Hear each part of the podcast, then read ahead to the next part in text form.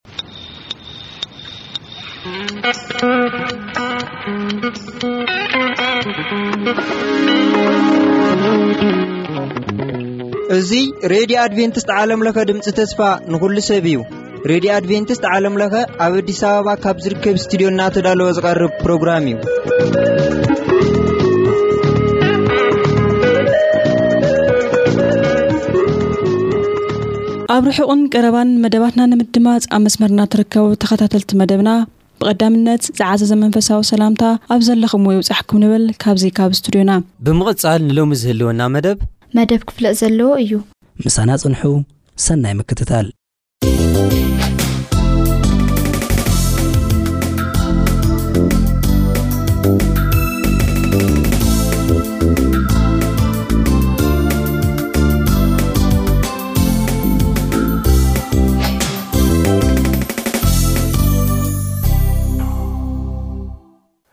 ሰላም ንዓኻትኩም ይኹን ክቡራትን ክቡራን ተኸታተልቲ መደብና እዚ ታሪኽ ቤተክርስትያን ብሓባር ኮይንና እነጽንዓሉ ዛንታ ቤተክርስትያን እዩ ታሪኽ ምጽናዕ ንብዙሕ ረብሕ ከምኡ ንጠቅም ብፍላይ ብፍላይ ከኣ ታሪኽ ቤተክርስትያን ከነጽንዕ ከሎና ዝሓደግናዮም እንደገና ክንውንን፣ ዝረሳዕናዮ ክንዝክር፣ ዝወደቕናዮ ተሎ እንደገና ከኣ ኣበይ ከም ዝወደቕና ፈሊጥና እንደገና ከይንደግሞ ዝገብር እዩ። መብዛሕቱ ግዜ ታሪኽ ዘይምጽናዕ እንደገና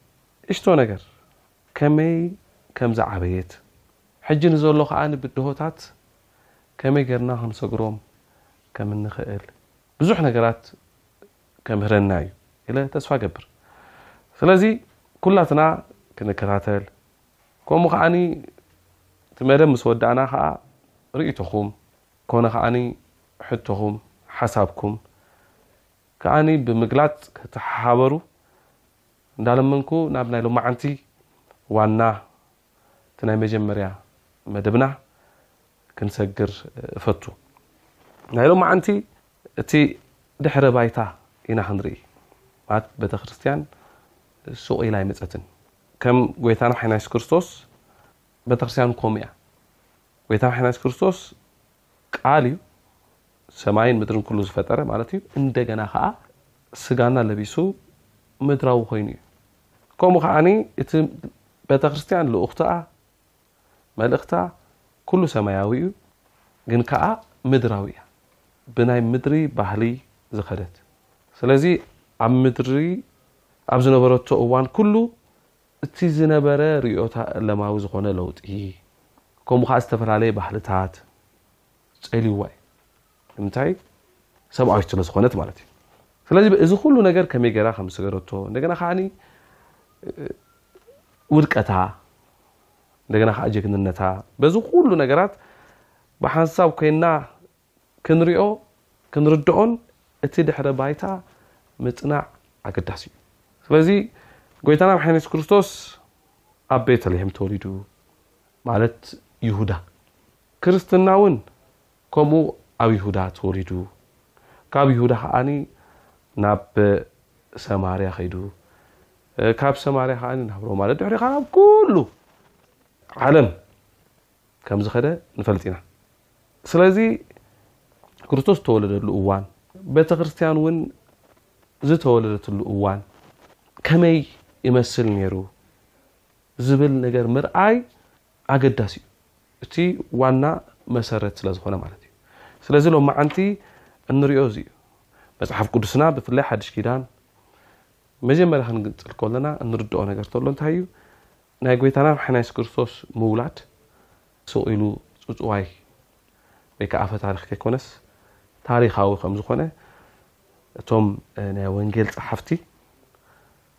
እቲ ታሪኻዊ ባይታ ክውና ከሎ ንርኢ ማለት እዩ። ስለዚ ዓለምና ብፍላይ በታ ሓያል በቲ እዋን እቲ ማለት እዩ ሓያል መንግስቲ ዝኾነት መንግስቲ ሮም ኣብ ትመሓደረሉ እዋን እዩ እምበኣር ጎይታና ሓይና የሱስ ክርስቶስ ተወሊዱ ኢሉ እውን ቤተ ክርስቲያን ዝተወልደት መንግስቲ ሮም እቲ ሓያል መንግስቲ እያ ነይራ በቲ እዋን እቲ ማለት እዩ ሓያል መንግስቲ ግዝኣታ ከዓኒ ኣዝዩ ሰፊሕ እዩ ነይሩ። ብምብራቕ ተኸድና ክሳብ እዚ ፋርስ እንብሎ ፐርሽያ እዚ ናይ ሎሚ ኢራን ዒራቕ እንብሎ ስጋብ ኣርመን እዚ ሕጂ ከባቢ ቱርኪ እንደገና ከኣ ብደቡብ ገጽ ተበልናዮ ሕሽ ብሸነኽ ይሁዳ ከይድና ክንሪኢ ኮልና ወይ ከኣ እስራኤል እዚ ሰሜን ኣፍሪካ እንብሎ ሰሜን ኣፍሪካ ስጋዕ ሰሜን ኣፍሪካ ኣብ ትሕቲ ግዝኣት ሮም እዩ ነይሩ። ስለዚ ብዙሕ ሃገራት፣ ብዙሕ ህዝብታት፣ ብዙሕ ባህልታት፣ ብዙሕ እምነታትን ታሪኻትን ነናቶም ዝኾነ ታሪኽ ዘለዎም ህዝቢ ነናቶም ዝኾነ እምነት ዘለዎም ህዝቢ ዝሓዘ መንግስቲ ከም ዝነበረ ኢና ንርኢ ማለት እዩ። ስለዚ ናይ ሮም መንግስቲ እዩ ናይ ሮም መንግስቲ ንመን ስዒቡ እዩ መጺኡ እንድሕር ኢልና ንግሪኽ እዩ ቅድሚ ናይ ሮም መንግስቲ ዝነበረ ናይ ግሪኽ መንግስቲ እዩ እቲ ናይ ግሪኽ መንግስቲ ኩላትና ንፈልጦ እቲ ዓብ እስክንድር ንብሎ ኣሌክሳንደር ደግረይት ንብሎ ሰብ ገና መንእሰይ ከሎ ዓብ ሕልሚ ዝነበሮ እሞ ከዓ ገና ብንእስነቱ ኦልሞስት ንዓለም ብምሉእ ኣነተን ዓበይቲ ሓየላን ዝበሃላ መንግስታት እንዳሰዓረ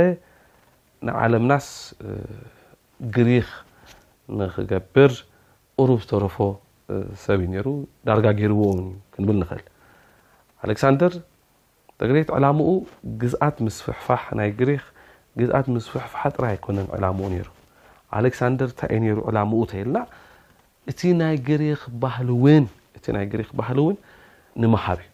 እቲ ናይ ግሪኽ ባህሊ ከኣ ምስ መን ንምሕዋስ እዩ ምስቶም ኣብ ዝተፈላለየ ሃገራትን ባህልን ናታቶም ዝኾነ ታሪኽን እምነትን ዘለዎም ህዝብታት ማለት እዩ ምስኣቶም እንዳደባለቕካ እንዳሓዋወስካ እቲ ናይ ግሪኽ ባህሊ ምስርጫው ወይ ከኣ ምግፋሕ እዩ ነይሩ ማለት እዩ። እዚ ከኣ ብታሪኽ ሄለኒዝም ይበሃል። ብዛዕባ ሄለኒዝም እንድሕር ክንፈልጥ ግቡእ ኮይኑ ማለት እዩ። ናይ ግሪኽ ባህልን እምነትን ፍልስፍናን ምስቲ ዘሎ ሎካል ከባብያዊ ዝኾነ እምነት ዝሕወሰሉ ማለት ንተሓዋሰ እቲ ናይ ግሪኽ ነገር ብፀብላልነት ከም ባህል ኮይኑ ንክወፅእ ዝገብር እዩ ግን ነቲ ካልእ ብምሉ ከዓኒ ዘጥፍእን ዘወግድን ከይኮነስ ምስኡ እንዳተሓወሰ ማለት እዩ ስለዚ እዚ እዩ እቲ ሄለኒዝም እንብሎ ስለዚ ሮም ክመጽእ ከሎ ሮም ክመጽእ ከሎ ዋላ እኳ ብመንግስቲ ዓይነት ብዓይነት ብመንግስቱ በመሓዳድርኡ ሓያል ኮይኑ ይምጻእ እምበረይ እቲ ባህሉ ባህሊ ናይ ግሪኽ እዩ ዝመጽእ ስለዚ እዩ መብዛሕትኡ ግዜ እቶም ታሪኽ ዝገልጹልና ድሕሪ ግሪኽ ዝመጸ ናይ ሮም መንግስቲ ማለት እዩ ግሪኮ ሮማን መንግስቲ እዮም ዝብሎ ግሪኮ ሮማን ማለት ብካልእ ናይ ግሪክን ናይ ሮማን ናይ ግሪክ ዝተባህለሉ ምክንያት እንታይ እቲ ዋና ባህሉ ፍልስፍንኡ ናይ ግሪክ ስለ ዝነበረ እዩ ንዓለም ሲ ብሄሌናይዜሽን እዚ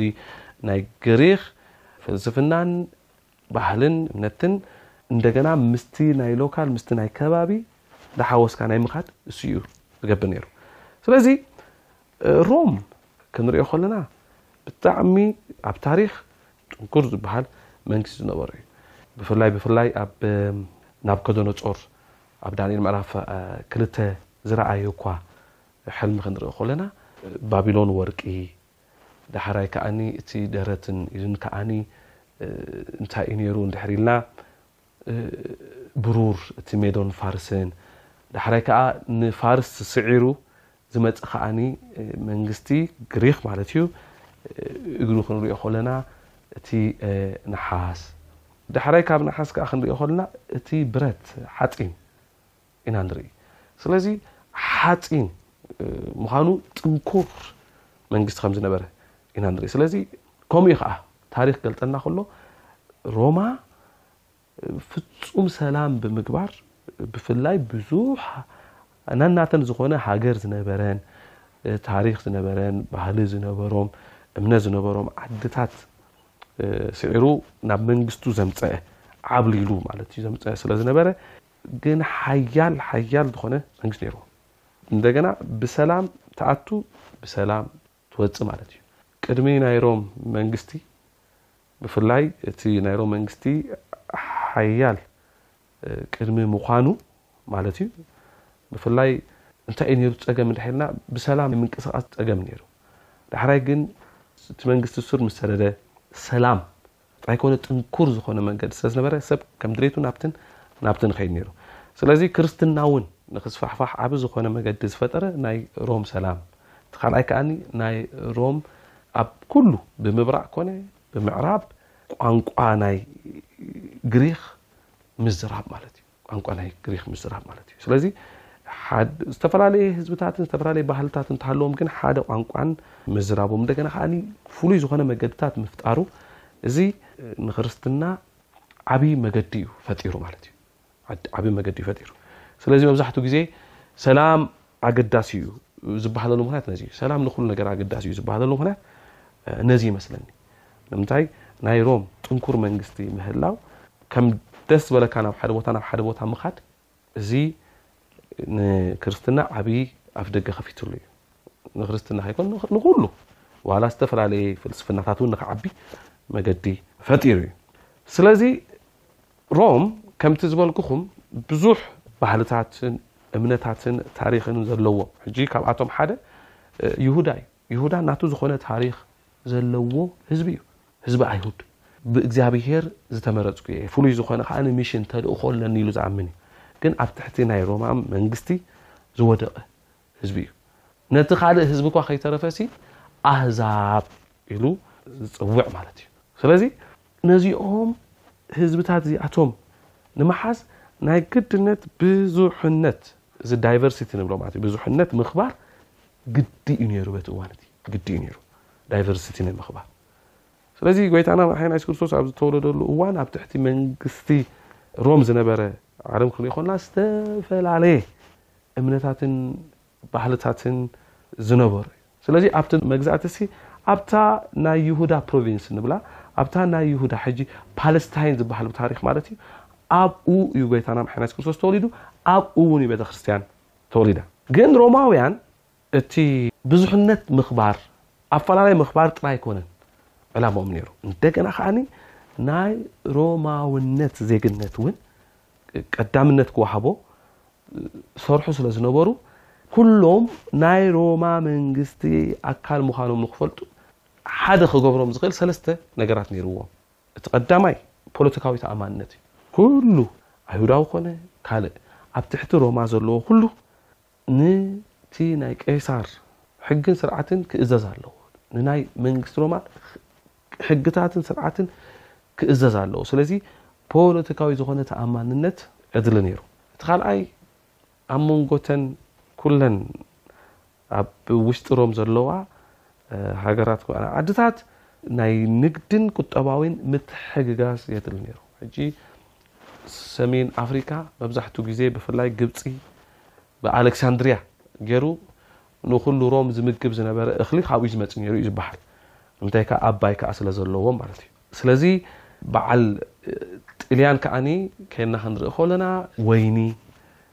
የምፅእ። ካልኦት ዓድታት ከዓ ነናቶም ዝኾነ ነገራት እንዳገበሩ ዓብ ዝኾነ ናይ ንግዲ ምንቅስቃሳት ነይርዎ እዩ። እቲ ሳልሳይ ከዓ ኩሎም ብሓባር ዝካፈልዎ ሼር ዝገብርዎ ኮመን ልዑል ዝኾነ ባህሊ ልዑል ዝኾነ ገዛ ናይ ሮማ ባህሊ ዝበሃል ከዓ ኣገዳሲ ነይሩ። እሱ ከዓ እንታይ እዩ ነይሩ እንድሕር ኢልና ግሪኽ እዩ ነይሩ። ግሪኽ እዩ ነይሩ። ስለዚ እቲ ፖለቲካዊ ጉዳይ ክንርኢ ከለና ሙሉእ ብሙሉእ ንናይ ሮማን መንግስቲ ዝተዋህበ ሓላፍነት እዩ ነይሩ። ሩል ኤንድ ኦርደር እንብሎ እዚ ስርዓትን ከምኡ ከዓኒ ምምሕዳርን ካብ ሮም እዩ ዝመጽእ ነይሩ።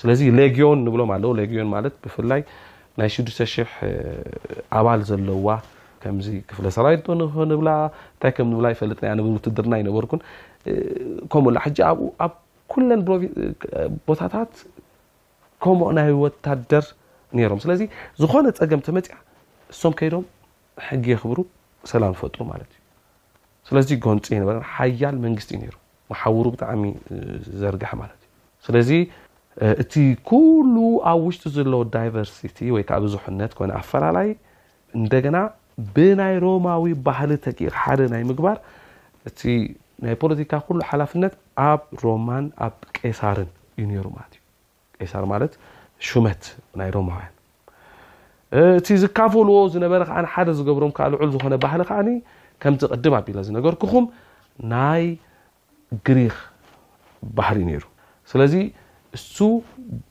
ብሓይሊ ገዛእ ኮይኑ ዝመፃሉ እዩ መብዛሕቶም ግሪክ ተዛረብቲ እዮም ንኸም እኳ እዩ መፅሓፍ ቅዱስናስ እቲ ሓድሽ ኪዳን ብግሪክ ዝተፃሕፈ ብግሪክ ዝተፃሕፈ ኩሎም ግሪክ ተዛረብቲ ስለ ዝነበሩ ማለት እዩ እዚ ናይ ግሪኽ ነገር ክንሓስብ ከሎና ኩሉ ቋንቋ ጥራይ ከይኮነስ ባህልን ኣተሓሳስባን ንጽረት ዓለም ናይ ግሪኽ እውን ምስ ካልእ እንዳተሓወሰ ገዛኢ ክኸውን እዩ እቲ ዕላማ ነይሩ ማለት እዩ።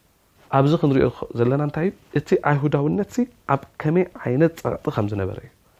እቲ ክርስትናስ ኣብ ከመይ ዓይነት ጸቕጢ ከም ዝነበረ ክንርዳእ ንኽእል ማለት እዩ። ስዑል እዚ ኩሉ ክጸሓፈልና መጽሓፍ ቅዱስ ኣይክእልን እዩ፣ ግን ኣብ ከምዚ ዓይነት ኩነታት እዩ ነይሩ። ኣብ ትሕቲ ሮም ሓደ ዋና ዝበሃል ናይ ሮም እምነት ዝበሃል ኣይነበረን፣ ከምኡ ክበሃል ይኽእል እዩ።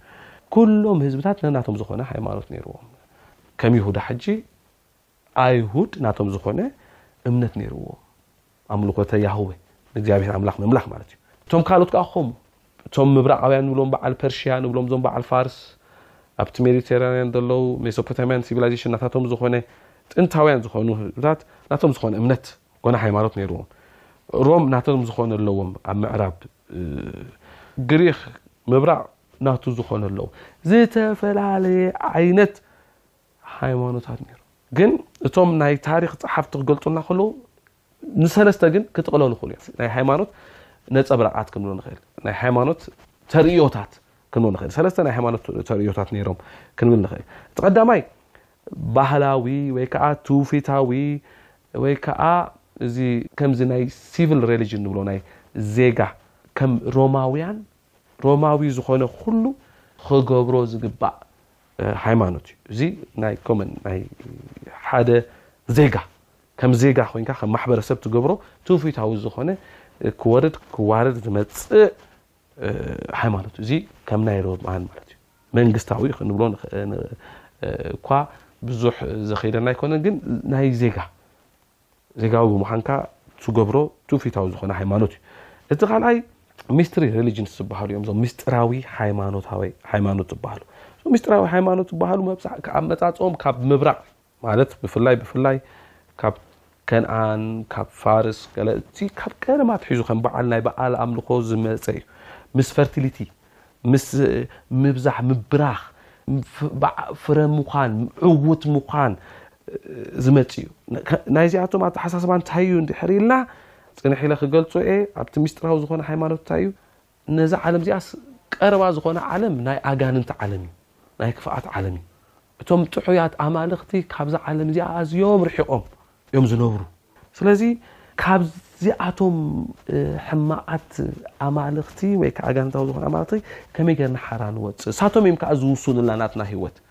ስለዚ ናይ ምንታይ እስረኛታት እዮም እዞም ሰባት እዚኣቶም? ናይ ፌት፣ እዚ ናይ ዕድል፣ ወይ ከኣ ቻንስ ዕድልን በቃ ከምዚ እንድዩ ናይ እዚ ዕጫይ ዕጫይ ዝበሃል ኣሎ ከምዚ እንድዩ ዕጫይ ንሳቶም እዮም ዝውስኑልካ ስለዚ ካብዚ ሓራ ክትወጽእ ዝገብረካ ካብ ናይዚኣቶም ሓራ መውጽኢ ዝኾነ መገዲ ኣሎ ስለዚ እዞም ሰባት እዚኣቶም ናብ ዝተፈላለየ ናብ ማጂክ ንብሎም ናብ ዝተፈላለየ ናብ ጥንቆላታት ናብ ገለ ናይ ምኻድ ካብዚኣቶም ሓራ ናይ ምውጻእ መገዲ ማለት እዩ እዚ እቲ ሚስጥራዊ ሃይማኖት ዝበሃል በቲ እዋን ዝነበረ እዚ ነገር እዚ ናብ ሮማ ኣትዩ እዩ። ናይ ሮማ እኳ እምነት ከምቲ ዘይነበረ፣ ደድሕሪኡ ግን ናይ ውልቀ ሰባት እምነት ናብ ምዃን መጺኡ እዩ። እቲ ሳልሳይ ዝነበረ ከኣ በቲ እዋን እቲ ናይ ፍልስፍና እዩ። ፍልስፍና ዋና ኣብ ግሪኽ ይጀምር ደኣ እምበር ደድሕሪኡ እናተዘርግሐ እዩ መጺኡ። ፍልስፍና ናይቲ ኩሉ ናይ ማሕበረሰብ እምነት ከይኮነስ ናይ ውሑዳት ናይ ውሑዳት ሰባት ኣተሓሳስባ እዩ ነይሩ። ቤት ትምህርቲ እዩ ነይሩ። እዚ ፍልስፍና ጥበብ ከኣ እንታይ እዩ ዝብል ን ኩሉ እቲ ናይ ግሪኽ እምነታት ብፍላይ ሃይማኖት ዲሚቶሎጃይዝ ምግባር እንታይ ማለት እዩ ካብ ኣፈ ታሪክነት ምውፃእ ካብኡ ኣውፂኻሲ ዳሕራይ ከመይ ጌርካ ዕዉትን ሕጉስን ዝኾነ ህይወት ክትነብር ትኽእል ስለዚ እዚ ሕቶታት ብምሕታት ናይ ብሓቂ ከኣ ብምምርማር ዝመጽእ ነገር እዩ ኢልካ ናብ ፍልስፍና ምኻድ ከም ሳልሳይ ኣማራጺ ዝተሓዝ ዝነበረ እዮም ሰለስተ እዚኣቶም እዮም እቶም በቲ እዋንቲ ገዛእቲ ናይ ሃይማኖት ነገር ዝነበሩ እዚ ናይ ባህላዊ ወይ ከዓ ትውፊታዊ ወይ ከዓ ዜጋዊ ዝኾነ እምነት እንብሎ ናብ ምንታይ እዩ ዓብዩ እንድሕር ኢልና ብኸመይ ከዓኒ እዩ ንኣይሁድን ንክርስትናን ዝፍትን ነይሩ ድሕር ኢልና እዚ ነገር እዚ ናብ መን እዩ መጺኡ ናብ ናይ ኣምልኮተ ንጉስ ዝበሃል ነይርዎ እዚ ናይ ቄሳር ኣምልኮ እዚ ናይ ቄሳር ኣምልኮ ሓቂ ሮማውያን ሰብ ኣምላኽ እዩ ኢሎም ኣይፈልጡን እዮም ናይ ሰብ ታሪክ ከም ዝገልጸና ግን ዳሕራይ ከምዚ ምትሕውዋስ ክመጽእ ከሎ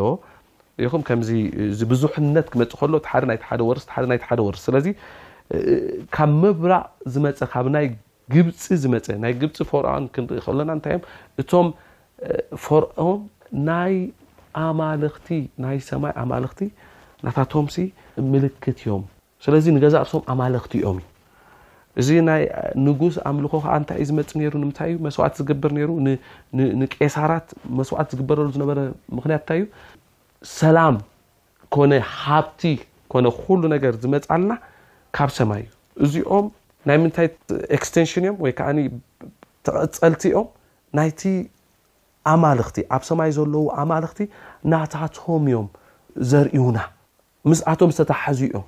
ስለዚ ንዓኣቶም መስዋእቲ ምቕራብ ማለት እንደገና ምስቲ ምስቶም ኣማልኽቲ ርክብ ምግባር ጥራይ እዩ፣ ርክብ ምግባር እዩ፣ እንደገና ከኣ ሰላም፣ እንጀራ፣ ሃብቲ ከኣ ይህበና።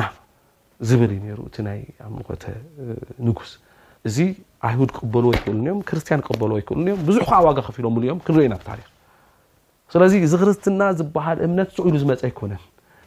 እቲ ናይ ኣይሁድ እምነት ከዓ ስጋዕ ክንደይ እዩ ፀኒዑ ዝነብር ነይሩ፣ እዚ ክንሪኦ ኢና ክንሪኦ ኢና። ምስ ምንታ- ምስ ክንደይ ነገር እዩ ዝዋ- ዝዋጋእ ነይሩ፣ እዚታት ክንሪኦ ኢና። ግን እቲ ናይ ባህላዊ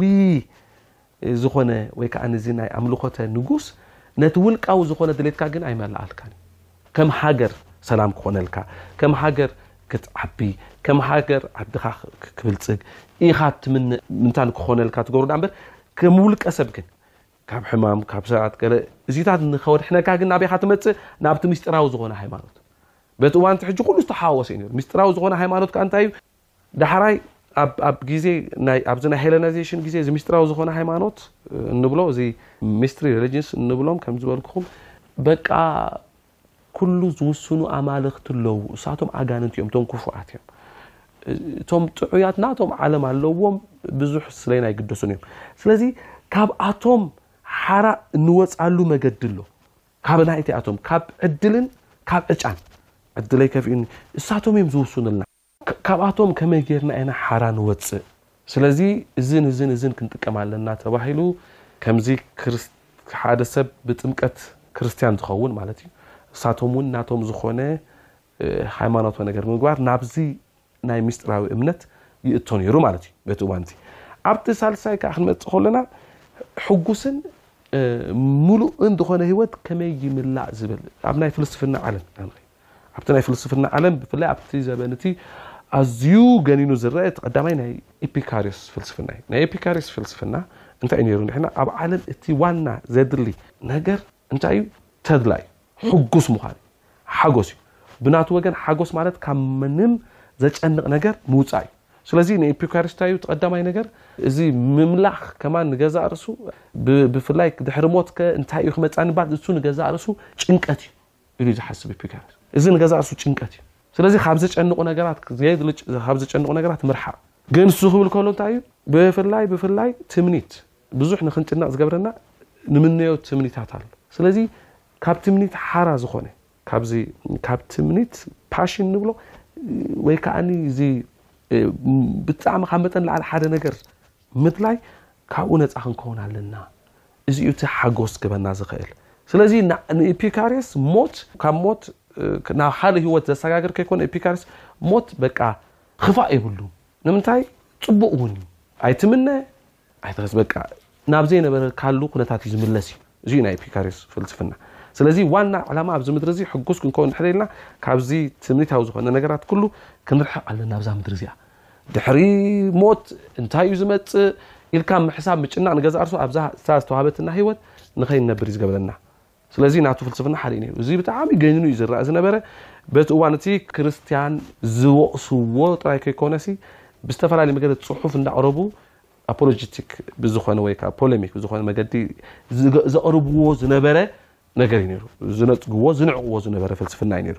እቲ ካልኣይ ናይ ስቶይክ እዩ። ስቶይክ ዓብዪ ፍልስፍና እዩ ነይሩ በቲ እዋን እቲ ስቶይክሲዝም ክንሪኦ ከለና ዋና ዕላማ ዝገበረ እንታይ እዩ?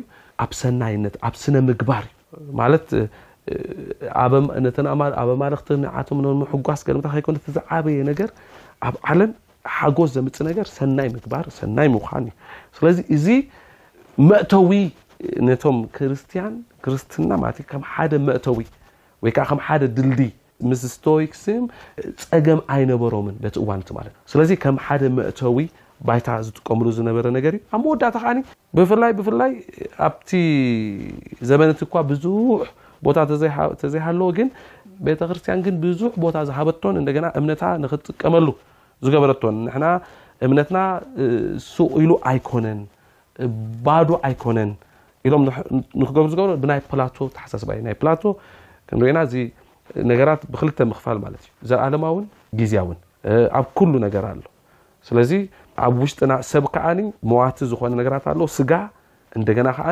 ነፍሲ ትበሃል ኣላ እሳ ከኣ ዘልኣለማዊት እያ ስለዚ ካብኣ ግን እቲ ዘሐጉስ ነገር ብል እሱ ክልቲኦም ሲ ዘይራኽቡ ነገራት ኣይኮኑን እቲ ዘልኣለማውን እቲ ዘልኣለማዊ ዘይኮነ ክራኸብ ይኽእል እዩ ብምንታይ እዩ ዝራኸብ ብነፍሲ ስለዚ እቲ ዓብይ ዝኾነ ዕላማ ንዑ እንታይ እዩ እታ ነፍሲስ ካብ ስጋ ተፈልያ ክትከይድ ኮላ እሞ ከዓኒ ምስቲ ዘልኣለማዊ ነገር ክትራኽብ ኮላ ዝብል ፍልስፍና ነይሩ። ክርስትያን ኣመንቲ እዚ ነገር እዚ ከም ሓደ ጽቡቕ መበገሲ ገይሮም ወሲዶም እምነቶም ንምዝርጋሕ ከይዶም ግን ከኣ ብብዙሕ ከኣ ናይ ፕላቶ ኣተሓሳስባ እውን ኣብ ክርስትና ኣትዩ ብዙሕ ጸገም እውን ኣብ ታሪክ ኣምጺኡ እሱ እንዳረኣናዮ ክንመጽእ ኢና ሓደ ሓደ ግዜ መገዲ መገዲ ኢልካ ተሓስቦ ነገራት ወይ ከኣ እሱ በዓሉ ክወስደካ ክእል እሱ ባዕሉ ክወስደካ ክእል ስለዚ ንግሪኻውያን ንክበጽሕ ኢልካ ግሪኻዊ ምዃን ውን ኣሎ ማለት እዩ ስለዚ እዚ ጸገም ናይ ቤተክርስትያን ነይሩ ግን ሓደ ማእሰር ጌርና ክንወጽእ ንክእል ክልተ ናይ ምድሓን ኣተሓሳሳባ ዝነበሮም ሃይማኖት ነይሮም እቲ ቀዳማይ ናይ ምንታይ እንድሕር ኢልና ናይ እዞም ምስጢራውያን ዝኾነ ምስጢራውያን ዝኾኑ ሃይማኖት ንብሎ እንታይ ካብ ምንታይ ክድሕኑ እዮም ዝደልዩ ካብቲ ህይወቶም ብዕድልን ብዕጫን ዝውስኑ እዞም ኣጋንንታዊ ነገር ካብኣቶም ሓራ ምውፃእ እዚዩ ምድሓን ዝብልዎ እንደገና ከዓ ብናይ ፕላቶ ኣተሓሳስባ ከዓ ናይ ፍልስፍና ከዓ እታ ዘይትመውት ነፍሲ ምስቲ ዘለኣለማዊ ዝኾነ ነገር ክራኸብ ከሎ ስለዚ ናይ ምድሓን ኮንሰፕት ነይሩ እቲ ሳልሳይ ኣማራፅን ፍሉይ ዝኾነ ከዓ ሒዙ ዝመፀ ናይ ምድሓን ኮንሰፕት ከዓ ናይ ክርስትና እዩ ነይሩ ማለት እዩ ስለዚ ክርስትና እውን ናይ ምድሓን ወንጌልን ኣተሓሳስባን ሒዙ እዩ መጺኡ። ስለዚ እዚ እዩ ነይሩ እቲ ድሕረ ባይታ። እዚ ክንሪኦ ዘለና ነገር እዩ። ሎሚ ኣብ ናይ ሮማውያን ኣድሂብና ኣለና። ኣብቲ ዝመጽእ ዘሎ ከዓኒ ብፍላይ ብፍላይ ኣብቲ ናይ ኣይሁድ ከዓኒ ዘሎ ነገራት ክንርኢና ሰማዕናዮ እግዚኣብሔር ይባርኸልና። ሕቶን ርእቶ እንተለኩም ከዓኒ ስደዱልና።